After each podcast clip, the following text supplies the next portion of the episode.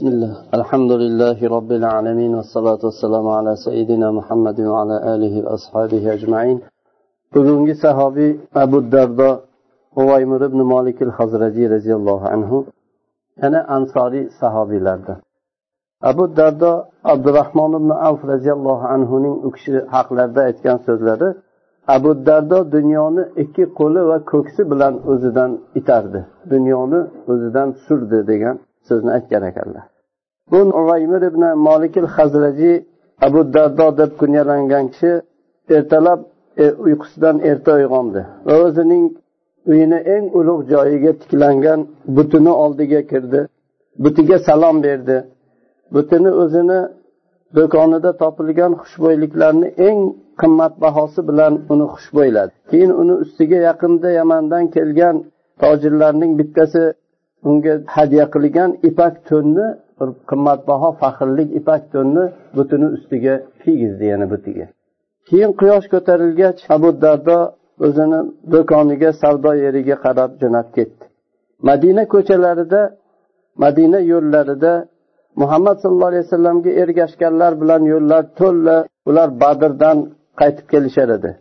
Oldilarida quraysh asrlarini haydab olib kelishar edi. Abu dardo ulardan o'zini chetga olib qarab turdi.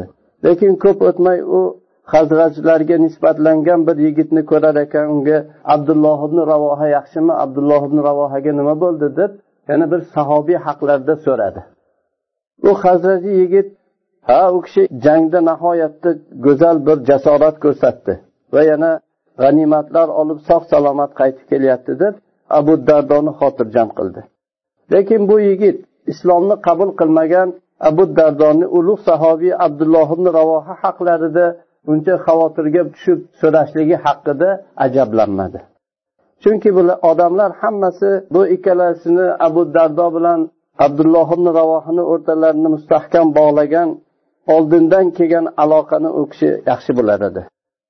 Abu abdulloh ibn ravohaki bu kishi ansorlik hazraji mashhur shoirlardan islomga avvalda kirgan kishilardan. Bu kishi badr g'azotida qatnashgan mo'ta g'azotida sakkizinchi hijriy yilda bo'lgan mo'ta g'azotidagi uchta qo'mondonlardan uchinchisi.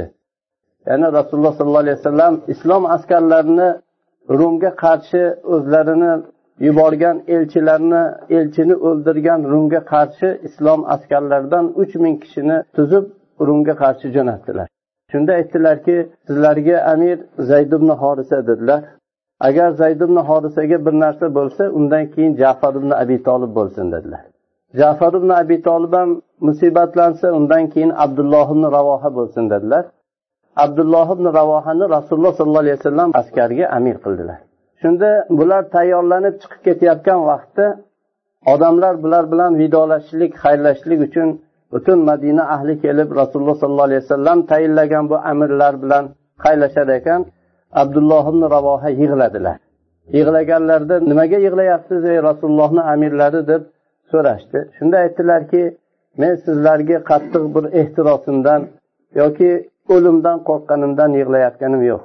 Balki rasululloh sollallohu alayhi vasallamdan auzu billahi minash shaytonir rojim va in minkum illa variduha kana ala robbika hatman maqdiya degan oyatni o'qiganlarini eshitganman. Ya'ni sizlardan har bir kishi u jahannamga bir tushadi. Bu ollohga muqarrar alloh taolo hukm qilgan ishdir degan oyatni o'qiganlarni eshitganman. Men shu jahannamga tushgandan keyin meni chiqishim qanday bo'lar ekan deb qo'rqib yig'layman dedilar. Keyin bu jang maydoniga borishdi. Shunda birinchi xalifa zayd ibn horisa edilar birinchi amir. Bular uch ming kishi boruvdi. Rumlar bularni musulmonlarni jangga chiqqanini eshitib yuz ming askar bilan keldi. Bu shom taraflariga kelgan edi. U yerdagi rumga qarashlik bo'lgan arablardan yana yuz ming askar yig'ildi. Ikki yuz ming askar bu uch minglik musulmonlarga qarshi chiqdi. Shunda musulmonlar maon degan yerga yetib u yerda ikki kecha qolib ketishdi. Jang qilamizmi qaytamizmi? Yo rasululloh sollallohu alayhi vasallamga xat yozamizmi? deb bu ishlarida hayron qolib turishdi. Shunda bu abdulloh ibn ravoha turib aytdilarki ey qavm dedilar. Sizlar o'zi shu xohlamay turgan narsa uchun chiqib keldinglar u yerdan. Biz odamlar bilan ko'plik ko'pligimiz bilan qurollarimizni kuchliligi bilan sanoqlarimizni ko'pligi bilan jang qilmaymiz. Biz mana bu din uchun jang qilamiz dedilar. O'zi shu shuning uchun chiqib keluvdik. Jangga kiringlar dedilar. Oxirida bu maslahatlar shu kishini aytgan so'zlariga qaror topib keyin jangga kirishdi. Uchta rasul sollallohu alayhi vasallam tayinlagan amirlar hammalari shahid bo'ldilar. Keyin bu bular shahid bo'lar ekan rasululloh sollallohu alayhi vasallam madinada vahiy bilan bularni shahodatlarini xabari kelar edi. Zayd ibn hodisa jangga kirdi dedilar. U shahid bo'ldi dedilar. Rasul sollallohu alayhi vasallamni ikki ko'zlaridan duv duv yosh to'kilar edi. Keyin jafar ibn abi tolib bayroqni oldi dedilar. U ham qattiq u kishi ham jangga kirdilar. U kishi bayroqni ko'tarib jangga kirganlarida kelib o'ng qo'llarini kesishdi. Chap qo'llariga bayroqni olib jangga kirdilar. Chap qo'llarini kelib kesishdi. Va shu qolgan bilaklarni qolgan qismi bilan bayroqni shu bosib yana bayroqni ko'tarib jangga kirdilar. Shunda rum pahlavonlaridan biri kelib shunday urdiki u kishini ikkiga bo'lib tashladi. Shundan keyin u kishini zuljanohayn yoki jafarut tayyor degan laqab berildi. Ikki qanotlik yoki jannatda u kishiga alloh taolo ikki qanot beradi bu ikkiga bo'linganliklariga jannatdan xohlagan joylarda uchib yuradilar dedilar. Shunga uchadigan jafar degan laqab berildi. Bu kishidan keyin bayroqni abdulloh ibn ravoha oldilar. Abdulloh ibn ravoha olib otlarini ustidan tushdilar. O'zlariga mashhur she'rlari bor shu she'rni aytib turib jangga kirdilar.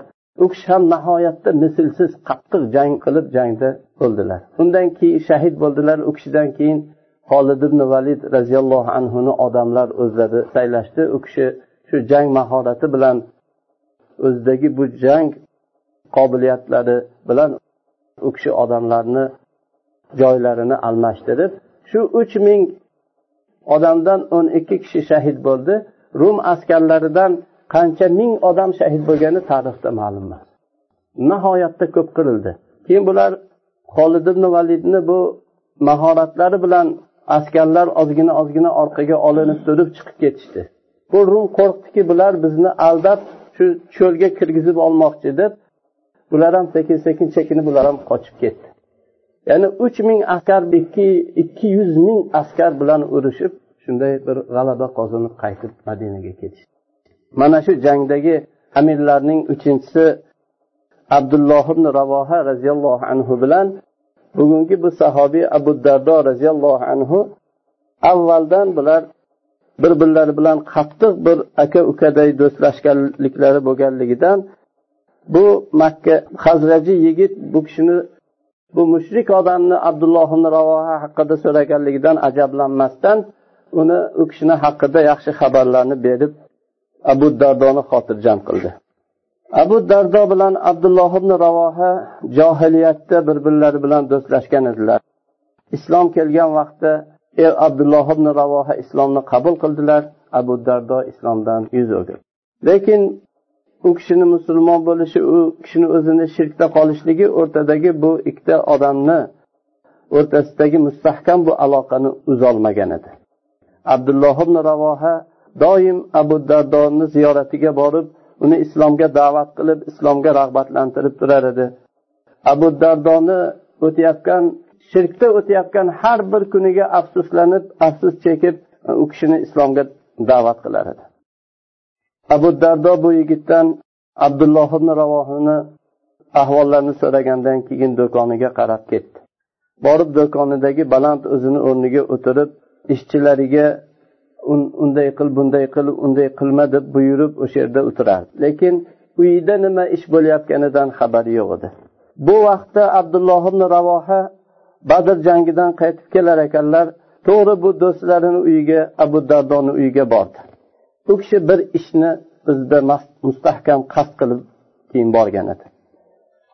Borib uylariga yetganda eshigi ochiq turganini ko'rdi. Keyin abu dardoni ayollari ummu dardo shu hovlida yurganini ko'rib assalomu alaykum ya amatalloh dedi. Ey ollohni ayol bandasi assalomu alaykum dedi. U ayol va alaykasalom ya aho abi dardo ey abu dardoni birodari sizga ham salom dedi. Shunda abu abdulloh ibn ravoha abu dardo qayerda? deb so'radilar. Ayoli aytdiki u kishi do'koniga ketdi tezda qaytib keladi dedi. Menga ruxsatmi ichkariga kirsam maylimi? dedi. Ha marhabo kiring dedi. Э, yo'lni bo'shatib o'zi bu ayol bola farzandlarini oldiga ketdi. Va o'zini ishi bilan bolalariga qarash bilan u xotin mashg'ul bo'ldi. Shunda abdulloh ibn ravoha abu dardo butini qo'yib qo'ygan xonaga kirdilar. O'zlarini shu qo'yinlarida bekitib kelgan bir tesha olib kelgan edilar. U teshani chiqardi. O'tkir bir teshani chiqarib butlar butni oldiga bordi va butni shu tesha bilan chopa boshladi. Qimmatbaho yog'ochdan qilingan yasalgan but edi. Shu yog'och butini chopa boshladi. U aytardiki ala kullu ma e, yud'a ma'allohi batilu. Ala kullu ma allohi batilu. deb ya'ni she'r o'qib alloh taolo bilan birga ibodat qilinadigan duo qilinadigan ma'budlar hammasi botildir deb teshasi bilan chopar edi. Buni maydalab chopib bo'lgandan keyin uyni tashladi chiqib qaytib ketdi. Ummu dardo u kishi ketgandan keyin bu xonaga bu buti bor xonaga kelib qaradi. Va bu butni mayda mayda bo'lak bo'lak bo'lib yotganini ko'rib butni a'zolari yerda sochilib yotganini ko'rib o'zini yuziga urib ey ibn ravoha meni sen halok qilding meni o'ldirding deb yig'lar edi eridan qo'rqar edi shunday yig'lar edi ko'p o'tmay abu dardo uyiga qaytib keldi. Ayolini xona eshigini oldida ranglari o'chgan abu dardodan qo'rqqanlik alomatlari yuzida shunday balqib turgan holatda ho'ngrab yig'lab o'tirganini ko'rdi. Senga nima bo'ldi? dedi. Seni birodaring abdulloh ibn ravoha sen yo'qligingda keluvdi. Butingni bunaqa qilib ketibdi dedi. Borib butga qaradi. Butni maydalanib yotganini ko'rdi. Shunda g'azabdan yondi va buti uchun qasos olishlikka qasd qildi. Lekin ko'p o'tmay uni achchig'i bosildi g'azabi ketdi. Keyin bo'lgan ishlar haqida chuqur fikr qilib ko'rdi. Keyin aytdiki agar bu bitta yaxshilik bo'lganda o'zidan shu ozorlarni daf qilgan bo'lar edi so'ngra abdulloh ibn ravohani oldilariga to'g'ri jo'nab ketdi. Birgalikda rasululloh sollallohu alayhi vasallamni oldilariga borishdi va abu dardo ollohni diniga kirganligini e'lon qildi. Shahodat keltirdi. Ashhadu an la ilaha illalloh va ashhadu anna muhammadan rasululloh deb dinga kirdi va mahallasida eng oxir musulmon bo'lganlardan bo'ldi. Ya'ni badr g'azotidan keyin musulmon bo'ldi abu dardo shu ollohga va ollohni rasuliga iymon keltirgan lahzadan boshlab u kishini iymoni butun borlig'idagi har bir zarraga kirishgan mustahkam iymon bo'ldi. U kishi o'tgan ko'p yaxshiliklarni o'tib ketganiga qattiq afsus chekdi pushaymon bo'ldi. Va o'zini birodarlari alloh taoloni dinini yaxshi anglab yetishlik ollohni kitobini yodlashlik va ibodat taqvoda ollohni huzurida o'zlariga zaxira qilib yiqqan taqvoda qolib ketganligini yaxshi chuqur idrok etdi. Endi qattiq bir mehnat chekib zahmat bilan qo'ldan bergan narsalarga yetishlikka qasd qildi. Va kechani mehnatini kunduzni zahmatiga uladi. Hatto bu karvonga yetishib oldi. Balki karvonni oldiga chiqib oldi bu kishi. Alloh subhanava taoloni ibodatiga tamoman tarki dunyo qilgan odam kabi ibodatga berildi. Ilmga nihoyatda chanqoq insonga o'xshash ilmga qattiq berildi intildi. Ollohni kitobini ollohni kalimatlarini yodlab va oyatlarni tushunishni chuqur idrok etib oyatlarni o'rganib ollohni kitobiga qattiq berildi. U kishini tijorati ibodat lazzatini bu kishiga ozgina mahrum qilgan vaqtda va ilm majlislaridan bu kishini ilm majlislaridan qolishlikka sabab bo'lgan vaqtda hech ikkilanmasdan afsuslanmasdan ibodatini tark etdi. Bir kishi bu haqda kelib abu dardo roziyallohu anhudan so'radiki nimaga siz butun hamma tijoratni tashlab yubordingiz shunda aytdilarki men rasululloh sollallohu alayhi vasallamni davrlaridan oldin tojir edim. Islomga kirib ham tijorat ham ibodat o'rtasini jamlashni xohladim. Lekin men xohlagan narsa bo'lmadi. Tijoratni tark etdim va ibodatga qarab yurdim. Abu dardoni nafsi qo'lida bo'lgan zotga qasamki men bugungi kunda rasululloh sollallohu alayhi vasallamni masjidlarini eshigi oldida bir katta do'konim bo'lib bu jamoat bilan besh vaqt namozni qo'ldan bermasdan jamoatda qatnashib keyin olib sotib har kuni uch yuz dinor foyda qilishlikni men yaxshi ko'rmasdim dedilar. Ya'ni bu menga kerak emas bu men uni tark qilar edim. Agar shunday bo'lganda ham bundan kechar edim dedilar. Shunda bu savol bergan kishi ajablanib qarab turar edi. Unga qarab men olloh azza va jalla bayni harom qildi deb aytmayman. Lekin tijorat bay ollohni zikridan mashg'ul qilmagan kishilardan bo'lishlikni xohlayman dedilar. Abu dardo roziyallohu anhu faqat tijoratni tark qilmagan edilar balki dunyoning hammasini tark qilgan edilar. Va dunyo ziynatidan dunyoni bezaklaridan yuz o'girgan edilar. Qadlarini tiklab turadigan ozgina bir ozuqaga va jasadlarni o'rab turadigan bir ko'rimsiz qo'pol bir kiyimga rozi bo'lgan edilar. Bir kuni bir jamoa abu dardo roziyallohu anhuning uylariga nihoyatda qahraton bir sovuq kechada mehmon bo'lib kelishdi. Ularga abu dardo issiq taom hozirlab yubordilar. Lekin ularga yotishga ustilariga yopishga bir narsalar bermadilar. Ular uxlamoqchi bo'lishganlarida qanday yotamiz deyishdi bu sovuq qattiq.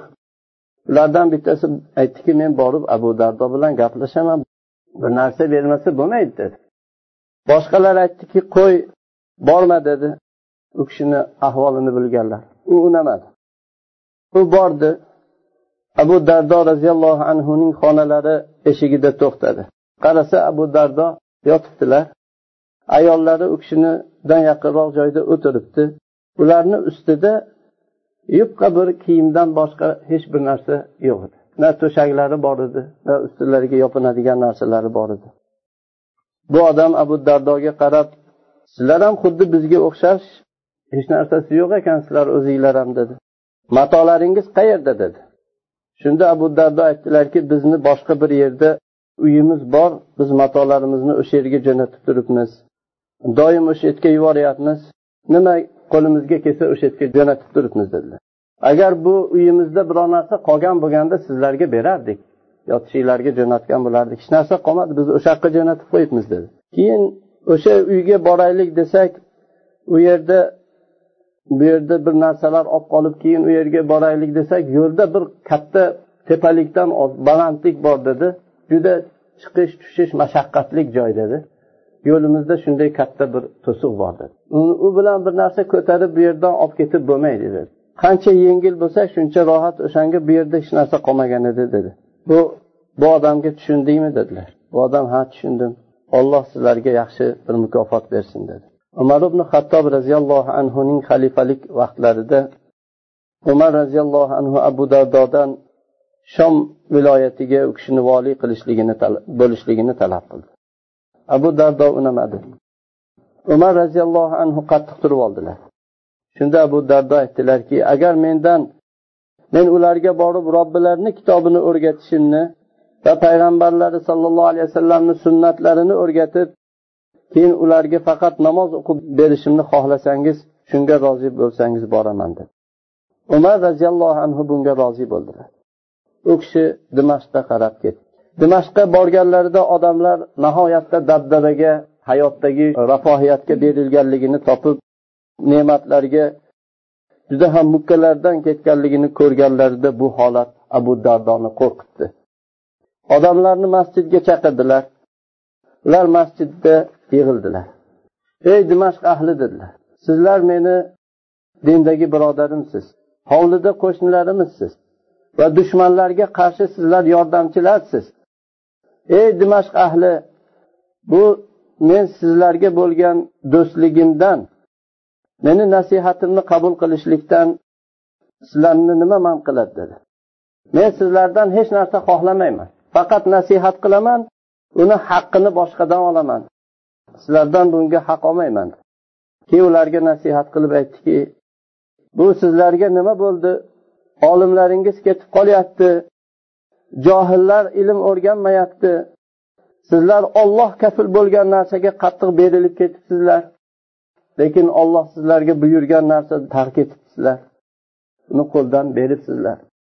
Men sizlarni yemaydigan narsani yig'ayotganingizni yashamaydigan joyni qurayotganingizni ko'raman.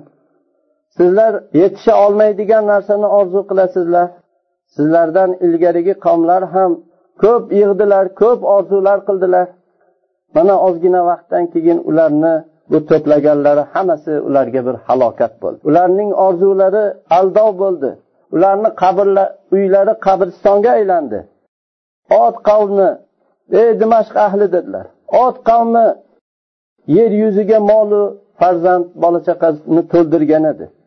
Endi shu bugungi kunda bu otdan qolgan narsani mendan ikki pulga kim oladi odamlar yig'lar edilar. Hatto ularning yig'i tovushlari masjidni tashqarisidan eshitilar edi.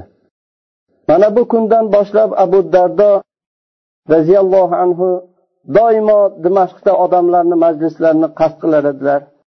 Bozorlarda aylanardilar. Savol so'raganlarga javob berardilar johillarga ta'lim berardilar g'aflatga tushganlarni uyg'otardilar ogohlantirardilar. Va har bir munosib fursatdan u kishi foydalanib g'animat bilardilar. Bir jamoani oldidan o'tib qoldilar. Ular bir kishini ustida jamlanib bu odamni urishar edi haqorat qilishardi. Ularni oldiga abu dardo roziyallohu anhu keldi. Nima xabar dedi? Bu odam juda katta bir gunohga voqea bo'lib qoldi. Qattiq bir gunohni qilibdi shunda aytdilarki agar bu odam bir quduqqa tushib ketsa sizlar uni qutqazib olasizlarmi yo ustidan bir narsalar otasizlarmi? Aytishdiki qutqazib olamiz. Unda buni so'kmanglar urmanglar. Bunga nasihat qilinglar. Bunga ko'rsatinglar haqni tushuntiringlar.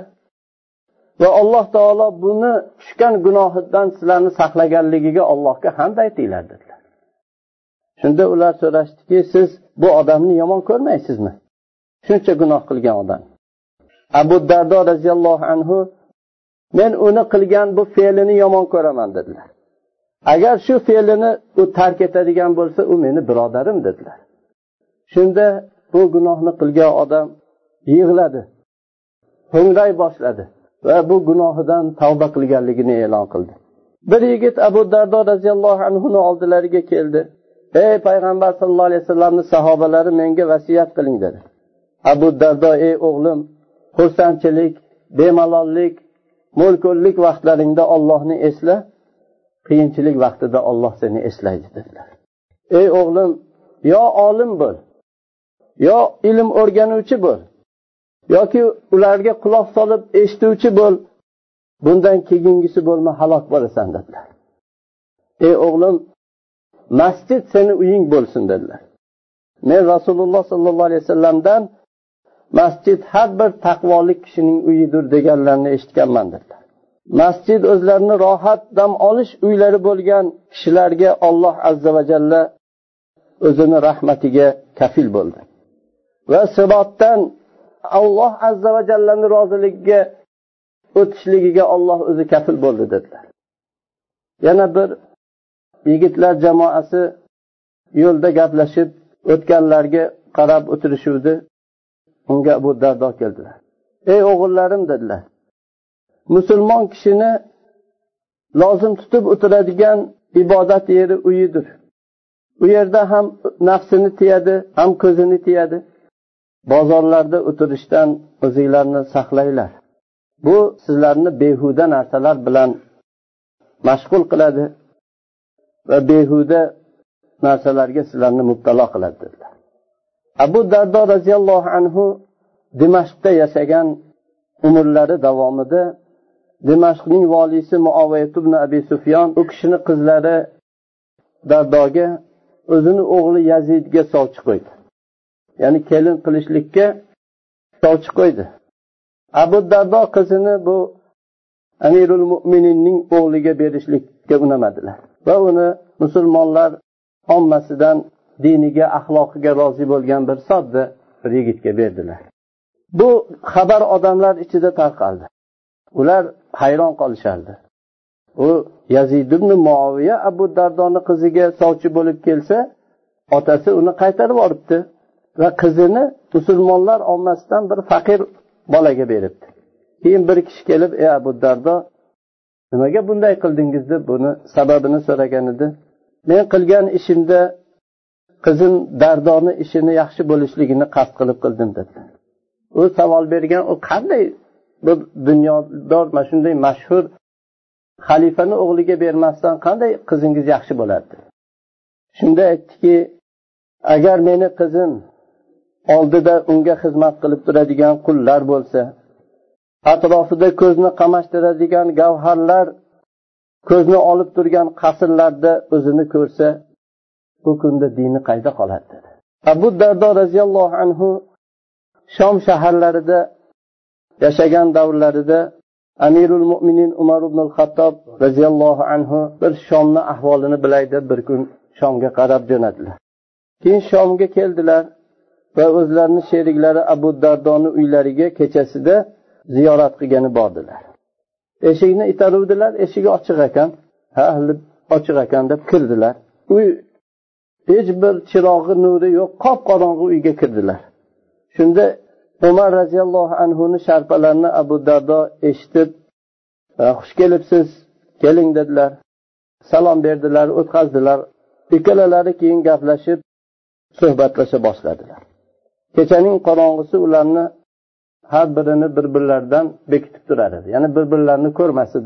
Shunda umar roziyallohu anhu abu dardo roziyallohu anhuni yostiqlari qayerda ekan deb yotgan joylarini qidirib ko'ruvdilar. Bir eshakni to'qimi turuvdi. Keyin yotadigan joylarini ko'rdilar shu qumlik mayda toshlar edi. Keyin bu kiyim kiyimi qanaqa ekan deb kiyimini ham bunday ushlab ko'ruvdilar. Kiyimlari ham yupqa bir kiyimni kiyib olgan ekanlar. Bu dimashqni sovuqdan hech bir hech narsa qilolmaydigan bir yupqa kiyim ustilarida bor edi. Shunda umar aytdilarki ollohni rahmati bo'lsin sizga bir yetarli dunyo bermadimmi sizga shuncha narsalar jo'natmadimmi dedilar. Nimaga bunday yashaysiz? Abu dardo aytdilarki ey umar rasululloh sollallohu alayhi vasallam bizga aytib bergan hadislarini esingdan chiqardingmi? dedilar. Qaysi hadis? dedilar. Rasululloh sollallohu alayhi vasallam sizlarni bu dunyodan sizlarni har biringizni oladigan narsangiz xuddi bir markabga ulovga mingan kishini ozuqasi bo'lsin demaganmidilar. Ya'ni markabdagi odam shunday to'qimini oladi boshiga qo'yadi. Ketayotgan shu yo'lida yana safarga chiqqan odamni narsasi bu dunyodan sizni narsangiz safarga chiqqan odamni narsasi bo'lsin demaganmidilar dedilar. Umar shunday degan edilar dedilar. Biz rasululloh sollallohu alayhi vasallamdan keyin nima qilib qo'ydik ey umar dedilar. Umar yig'ladilar abu dardo yig'ladilar. Bundan keyin ikkalalari yig'i bilan bir birlari bilan gaplashdilar. To tong otgungacha. Abu dardo roziyallohu anhu dimashqda dimashq ahliga nasihat qilar edilar. Ularga eslatardilar ularga ollohni kitobini ta'lim berardilar. Hikmat o'rgatardilar. Hatto o'lim kelgungacha shunday bo'ldi. U kishi oxirida shu o'lim kasali bilan kasallanib yotgan vaqtlarida sheriklari u kishini ziyoratiga kelib u kishini oldilariga kirdilar. Nima bo'ldi sizga? Nimadan qiynalyapsiz? deb so'radilar. U kishi gunohlarimdan qiynalyapman dedilar. Nimani ishtiho qilyapsiz nima xohlaysiz? deb so'rashdi. Robbimni afvini ollohni kechirishini ishtaha qilyapman shuni xohlayman dedilar. Keyin atrofdagilarga menga la ilaha illalloh muhammadu rasulullohni o'rgatib turinglar dedilar. Ular o'rgatishardi abu dardo roziyallohu anhu la ilaha illalloh muhammadu rasululloh deb takror qilib takror qilib jonlari chiqdi. Abu dardo vafot etib robbilari huzuriga ketgan vaqtda avf ibn molikil ashjai roziyallohu anhu bir kuni tush ko'rdilar. Tushlarida yam yashil nihoyatda keng bir o'tloqda ekan. Soyalari daraxt soyalari ko'p. O'rtada bir katta chodir qurilgan teridan uni atrofida qo'ylar yotibdi. Ko'z ko'rmagan ajoyib chiroyli bir manzarani u kishi tushlarida ko'rdilar. Aytdilarki bu kimni joyi ekan buncha chiroyli qasr? Shunda u kishiga aytildiki bu abdurahmon ibn avfni joyi. Deyilgan edi bu chodir ichidan abdurahmon ibn avf chiqdilar. Aytdilarki ey ibn molik bu bizga shu qur'on sababli olloh azza va jalla bizga bergan ollohni ne'matidir. Agar mana bu balandlikka chiqsang tepaga yuqoriga ko'tarilsang ko'zing ko'rmagan qulog'ing eshitmagan qalbingga hech kelmagan bir ne'matlarni topasan dedilar. Shunda bu ibn molik aytdiki bular hammasi kimniki abu muhammad? U kimni joyi kimni qasri u? deb so'radi. Shunda abdurahmon ibn avf uni olloh azza va jalla abu dardo roziyallohu anhuga tayyorlab qo'yibdi. Chunki abu dardo dunyoni ikki kafti bilan ko'ksi bilan o'zidan surgan itargan odamdir dedilar. Alloh taolo ulardan rozi bo'lsin. Alloh rozi qilsin. Butun ummatdan alloh taolo jazoyi xayr bersin. Ular butun tashvishlari oxirat bo'lgan. Dunyoni berib oxiratni sotib olgan